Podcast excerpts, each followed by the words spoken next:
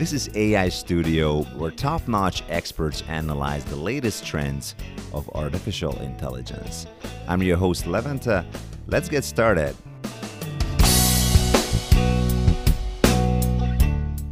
Hello, everybody. Welcome to AI Studio, the artificial intelligence podcast by the Hungarian AI Coalition.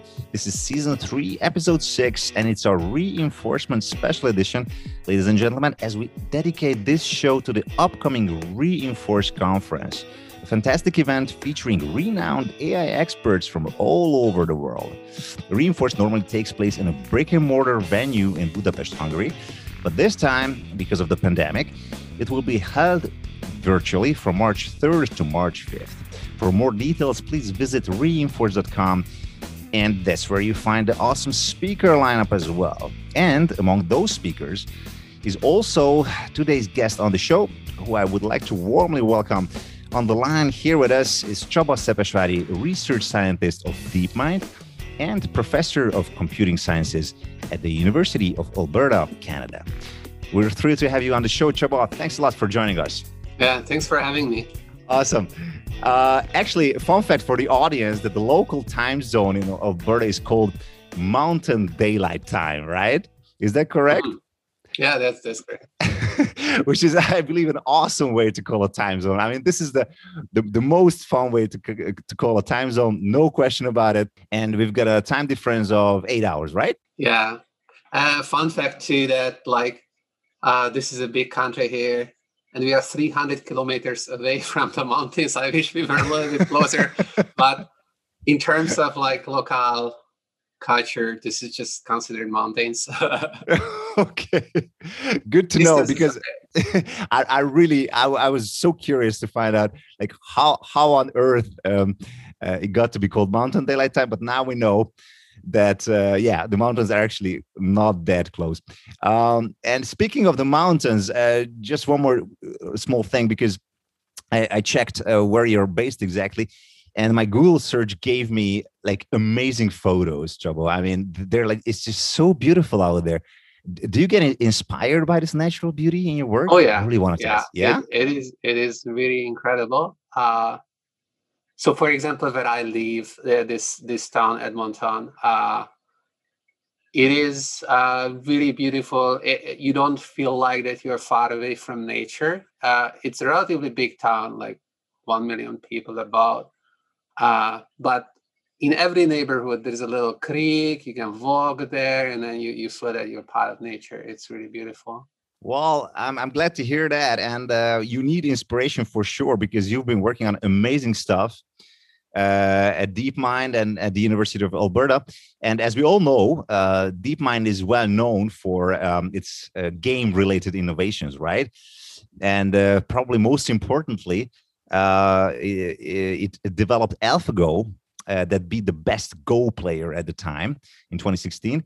And very few people know that you were the co inventor of this algorithm behind AlphaGo is that right? Well, some small part of it, I would say. but there is there is one ingredient in it uh, that was invented like ten years before, and that was together with another Hungarian colleague, uh, Levente Kocsis. Actually, I would say that he is kind of the main brains uh, behind an idea. So that's Monte Carlo tree search in a specific instance of it and uh, AlphaGo indeed uh, used Monte Carlo tree search, uh, some variation of the algorithm that we designed. Right. Well, just to uh, give a little bit of background to our audience, I mean, uh, not many people are familiar with Go, right? And uh, I just checked, I just looked it up that it's like it's been around for over 3,000 years or something. And there are even private Go schools in Korea. I mean, I. I'm just yeah. fascinated. But did you did you did you have anything to do with Go before this whole project at all? Not not that much. Like I, I played a little when I was a kid, and I realized it was a fun game. Uh, oh, you did? But yeah, no, no, not seriously. Just for fun uh, with friends, you know. And uh, in 2006, when uh, we worked on this algorithm with with Levente, and he came back from a computer games conference. And at the time, uh, people were really excited about this idea of just running these rollouts, massive computation, and, and it seems that it's doing something that was unimaginable before. Uh, so they were getting pretty strong results with pretty simple ideas. And so, so we got excited about that. And that was in the context of Go, actually. So already at the time, like there was quite a bit of excitement about uh, the game of Go. And you know, uh, you mentioned that DeepMind's known for um, breakthroughs in games, and mm-hmm. it might seem that DeepMind's really focusing on games. I wouldn't really say that. I think that DeepMind's focusing on benchmarks where you can demonstrate uh, advances in a very clear fashion so that like everyone understands that hey like there is something going on here. Right. And and for that game seems to be they have always been uh, you know great for these kind of demonstrations of advances. So it's a coincidence but but it's it's great. Like it's it's also a lot of fun to work in this game. Yeah, I can imagine. But uh, well, anyway, uh, it, it delivers the message, right? That uh, people just you know uh, notice that there's something going on, and uh, you know there's another benchmark, another benchmark, and uh, and, and somehow for some reason it's it's connected with DeepMind. And then you know when since DeepMind is also involved in many other things, they they have this really really um, a cool idea about DeepMind, and they associate it with like really state of the art stuff and I, I think that that's what matters. And just one one i, I would like to uh, give one quote uh, that i found just to just to uh, show the audience uh, how like what is go like? It's it's it's by a, a gentleman called edward lasker. And i'm sorry I, I, I never heard of the guy but apparently he's a very very well-known chess and go player from the 20th century uh, so prehistoric times right? And and goes like this while, while the Baroque rules of chess could only have been created by humans, the rules of Go are so elegant, organic, and rigorously logical that if intelligent life forms exist elsewhere in the universe, they almost certainly play Go.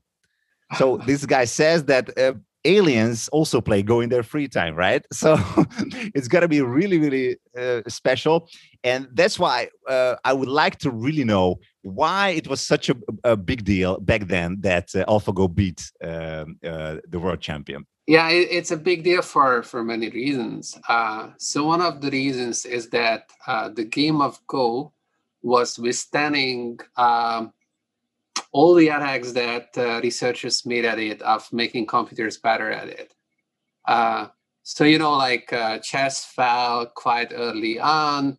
Um, and you didn't need like you needed some level of sophistication for the techniques uh, to work at chess uh, but the same techniques didn't seem to uh, give anyway uh, in the game of go for a long long time uh, research was stuck at the level where a uh, a human player who is training for maybe a year or two can still beat computer games like the best computer programs and that right. was like the state of the art for many many decades and so so the big deal is that um, this was considered a serious uh, issue that like we have no idea of how to overcome the limitations of these programs. And so DeepMind brought a bunch of techniques to the table uh, that have been used before, but no one really had the vision uh, and maybe the capacity but i think it's it's mostly lacking lacking vision and determination to drive this through. Um, that that these techniques are going to uh, lead to uh, such a big, big breakthrough and uh, no one actually expected this because of this history of uh, go like people were really skeptical and DeepMind first started to uh, play publicly human players everyone in the field was like, yeah, okay, it can go.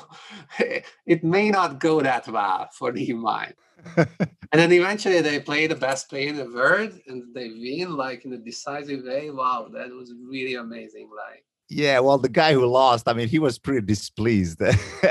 I, I read a lot about that. But were you actually there uh, when it happened? No, no, when it when it went down? Actually, no? actually, I was not uh, part of DeepMind at the time. I, I was in Alberta, And, mm-hmm. and I have to say that in Alberta, there is a very strong games group. You, you may know it, know it. And a bunch of folks who work in DeepMind are originally from here. And uh, so in Alberta, we were watching online, of course, with this game group, and like we were cheering for the computer or the humans. And like, I don't know, like it was it was one kind of a moment you know big projector and then like wasn't it weird to root for the, the, the machines in this uh, ultimate human versus machine duel i'm not sure whether we were rooting for the machine so like uh, yeah it's uh, i can't speak uh, definitely for everyone for me it was just like really interesting to uh, to see whether um, the machine is really on par of, of humans now uh, after these advances. And uh, I guess maybe I'm a little bit of an outsider as well uh, from the perspective of the game. And and I always wanted to participate in uh, creating programs that are smarter than me. For some reason, like I don't know, like I'm just a lazy person, I guess, and I don't want to think that hard. And I imagine that like the easiest way to, I don't know, win at something is to create this computer programs that win for you.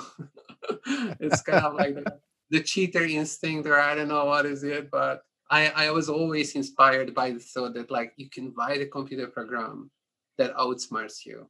And okay, I'm not that smart, right? Like, and then it outsmarts uh, the best human player in the world. I'm like, that's that is something right so i i believe you wouldn't mind having uh an avatar that you that, that could replace you like in a meeting or something you don't have time time for right yeah maybe that's the next project yeah yeah please let us know if you're if you're advancing well enough and because many of us would be very much interested okay? We're gonna open source it. Perfect perfect. Now let's talk about uh, a little bit uh, about uh, uh, the deep blue thing because as you mentioned uh, chess fell early on it was back in 97 when deep blue beat Kas- uh, kasparov right?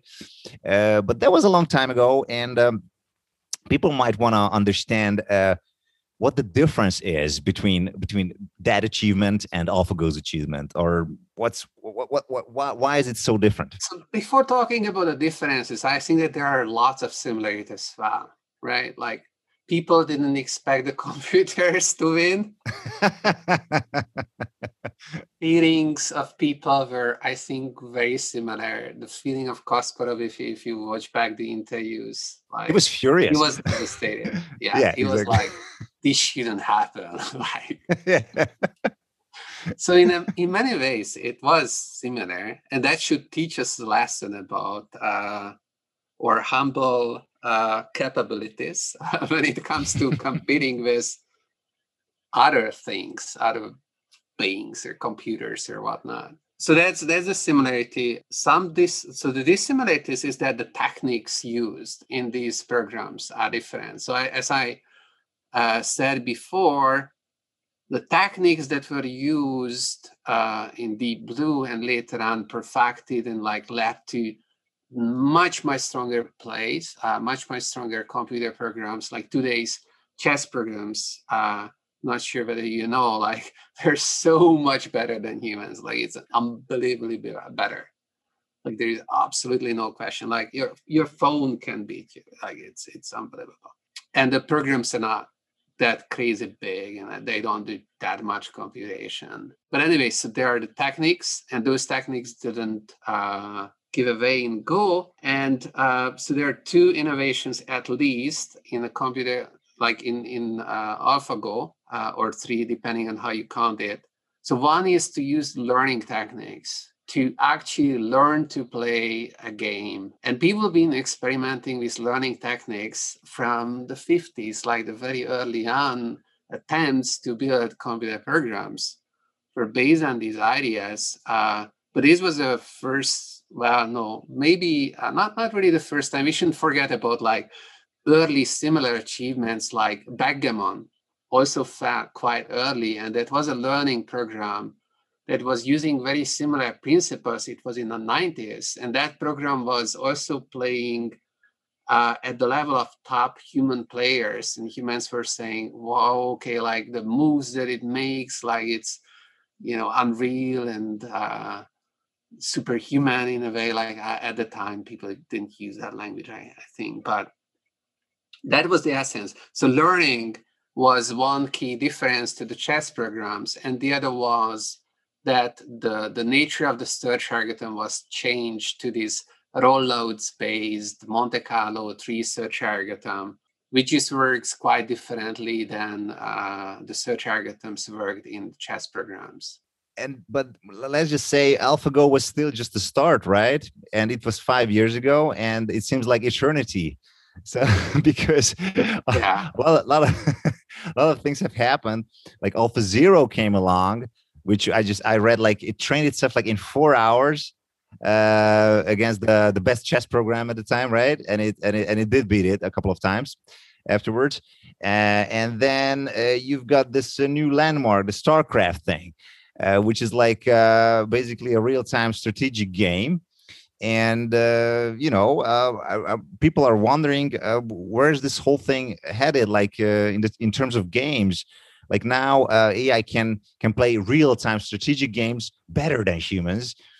Uh, can it be can, can, it go any any any further any higher up? I'm sure it can. Or, or, the sky's the limit or what's what, what's the limit? Is you know that's, that's the ultimate question here yeah i think that um, maybe computer games are um, like it's been quite clearly demonstrated now that uh, the techniques um, behind the scene of, of these programs, of these newer programs, generalize quite well across different games um, and they're able to achieve uh, good performance. Uh, so maybe you could say that like the age of humans is over for games. Uh, if you take Alpha zero and like you have a board game and whatnot you just make some small adjustments. It's probably going to be the best player in the world uh, at that board board game after a couple of hours of self play. Uh, that's really devastating if if you if you want to put it in negative perspective but at the same time there's much to learn right? So people are going to innovate to uh, to use programs in new ways to learn from them. In chess after it was very clearly demonstrated that computers are much better than humans uh, people figured that uh, still human computer teams are better than just computers. Obviously they're better than just humans and so there are really interesting uh, questions um, research questions and like opportunities to uh, exploit cooperation uh, or use this uh, game uh, playing agents to perfect your computer games let's not forget that the reason humans play games is mainly for fun, right? Like we also like to compete with each other, but like you have tremendous fun. And so everyone who writes game programs can try to use these new opportunities, these new programs to make the programs even more fun. Like the players have always been complaining about how dumb the AIs are who is the time to replace the dumb AIs with a little bit smarter, maybe not all the way to the level of uh, AlphaStar or AlphaZero, but uh, you, you, can adjust the level and you can make the game really, really fun. I'm so glad you're you're focusing on the bright side of this whole thing. Uh, no, no, no, but so are we. You know, in the uh, AI coalition here in Hungary. I mean, that's the whole idea. You know, to um, to make sure people understand that uh, there's actually good coming out of this and uh, I just wanted to mention to you also and to, to the to our audience here that uh, we, we launched this uh, initiative, this um, campaign called the AI Challenge, and under this challenge, uh, we'd like to um, to get 100,000 people in Hungary to complete uh, an online AI course, which was developed uh, by Hungarian professionals. Uh, and it's a lot of fun. Uh, it's about the, you know, uh, uh, about the concept of AI and the ethical aspects and use cases, all that kind of stuff. So you, we really want to become sort of the AI nation here in the world. Um, yeah, uh, very ambitious Good here. yeah. We're working on it. Thousand is a pretty big number, right? right. Yeah, yeah, yeah. Good. yeah. Good to have some ambitions. yeah, yeah, yeah, yeah. And uh, you also mentioned uh, uh, early on in, in, in, the beginning of our, our conversation that um, uh, DeepMind uh, is involved in, in many projects, right? And uh, developing um, games and um, game savvy programs is only part of the part of the equation, right? Uh, so what what are the real life uh, benefits of all these uh, AI developments uh, at DeepMind? If, if you want to talk about that briefly. Well, uh, when when we're talking about real life impact, then we can um, talk about direct and indirect impact. And I think DeepMind is doing a lot of foundational research. And uh, with that, for example, developing these programs to play games, I think that the largest impact is by making the publications available and open, and sometimes even the code open so that other people can follow up and uh, replicate the successes and translate them to other domains. I know, for example, about companies who are trying to use AlphaZero type of uh, algorithms and techniques for operation operations research problems, you know, scheduling problems, whatnot. So people got a whole set of new tools and new ideas to work on problems that they always wanted to get better at. And a lot of people are inspired, and I think that that's that's the biggest impact uh, at the moment. And that's I, I think that it's really hard to measure it, but I feel that we really do have a, a, huge impact uh, in that regard. Uh, so concerning direct impact, uh, DeepMind is not really in the application space. Of course, uh, we work very closely with Google. So uh, there are some applications within Google uh, that use DeepMind's technology in, in various ways that should be beneficial, hopefully, for, for everyone and Google, obviously also you might have heard about uh, DeepMind's initiative uh, working on protein folding. Oh yeah, uh, definitely. Uh, yeah. So that's that's like a, a big uh, science challenge, and and DeepMind being heavily uh, invested in that challenge, and just this year, or sorry, last year, time's flying indeed. there's been some announcements about that and, and the standard, uh, I don't know, uh, benchmarks. Uh, there's been some great advancement coming from uh, using uh, DeepMind's uh, new innovations in this field. And if you think about the use cases for protein folding, they're really great, right? Like all kind of medical applications, how to design medications and whatnot uh, with computers. And uh, with the virus going on, we know that this has uh, like similar things have already been uh, put in good use, right? Uh, right? With the design of the vaccine. So, so we see that uh, these things are not necessarily in the realm of sci-fi anymore. Not at all. that you could just use computers to design better drugs. It's pretty amazing yeah it's fascinating indeed and and and we're so happy to to hear such news and uh, really looking really looking forward to all your efforts at, at DeepMind uh, in all kinds of areas because I also read that um, now you have something uh, like an invention that basically can detect uh, eye disease uh, just like the, the best doctors can and uh, and you know things like that just really fascinate me and I think yeah. all of us. Uh, I think we're inching closer to the end of the show here.